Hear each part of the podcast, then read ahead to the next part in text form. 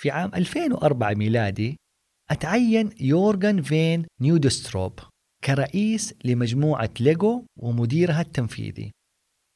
وهو أول واحد يتولى هذا المنصب من خارج عائلة كيرك كريستيانسن الدنماركية والمالكة لمجموعة ليجو قبل ما يتعين يورغن كان وضع الشركة مزري وعلى حافة الإفلاس وسجلت الشركة أكبر خسارة في تاريخها لما أتولى يورغن المنصب. فوقت ما تولى قام بتقليص عدد الموظفين وباع بعض الشركات الغير أساسية في المجموعة. ولكنه في نفس الوقت قام بشيء جديد وهو أنه أصبح يحضر فعاليات ليجو اللي يقوم محبين ليجو بتنظيمها. ففي 2005 ذهب يورغن لإحدى الفعاليات اللي تسمى بريكفست وتفاجأ بالقاعدة الجماهيرية الكبيرة لمحبي مكعبات ليجو. واكتشف أنه عدد كبير من محبي اللعبة هم من كبار السن. فالكبار يشكلوا 5% فقط من عملاء ليجو ولكنهم يصرفوا 20 ضعف اللي يصرفوا الصغار على ألعاب ليجو. في هذه اللحظة اكتشف يورغن إنه في فرصة كبيرة أمامه لازم يستغلها.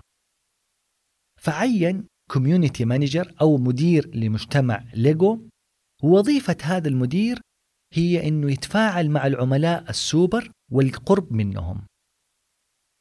أيضا قام بإنشاء ليجو امباسدر نتورك وهي شبكة سفراء ليجو على الإنترنت علشان يتعرفوا على أمهر عملاء ليجو زي روبن سيدر واللي منحوه لقب محترف ليجو مرخص فبسبب أحد عملاء ليجو وهو آدريا تيكرد من شيكاغو واللي كان معماري ويستخدم مكعبات ليجو في تصميم المباني فقد قامت ليجو بطرح مجموعة نماذج معمارية لأشهر المباني حول العالم لترضي ذائقة محبي العمارة والتصميم.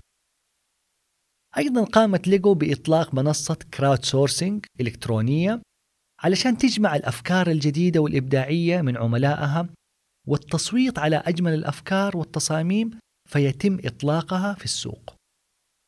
فالتعرف عن قرب على هذه الشريحة من عملائهم أعطاهم نفوذ كبير وكانت هذه هي نقطة تحول في تاريخ الشركة. ففي عام 2018 أصبحت قيمة شركة ليجو 7.5 مليار دولار لتصبح علامة الألعاب الأغلى على مستوى العالم. فهذه القصة وغيرها توضح لنا أهمية فهم تحولات موازين القوة بين العملاء والشركة. فاليوم أصبح ربط العملاء مع بعضهم البعض من أهم مرتكزات النجاح في عالم الأعمال ومن مصادر التنافسية بين الشركات.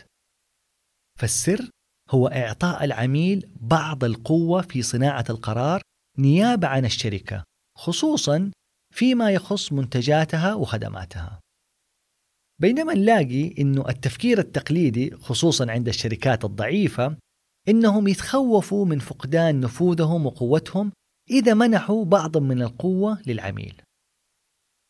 فلو استطاعت الشركات فهم وتبني الأفكار والمبادئ اللي ذكرناها اليوم فراح نحقق الفائدة لمختلف أطراف المعادلة وبكذا راح تقدم الشركة ما يحتاجه العميل بكل رشاقة وبدون إهدار وفي نفس الوقت راح تجذب شريحة عريضة من أفراد القبيلة ذوي الولاء فتزداد إيراداتها ومعاها أرباحها فتستطيع توزيع منتجاتها وخدماتها على مختلف الأذواق والاحتياجات وهذا راح يمكنها من التوسع في سوقنا المحلي والأسواق الإقليمية والعالمية.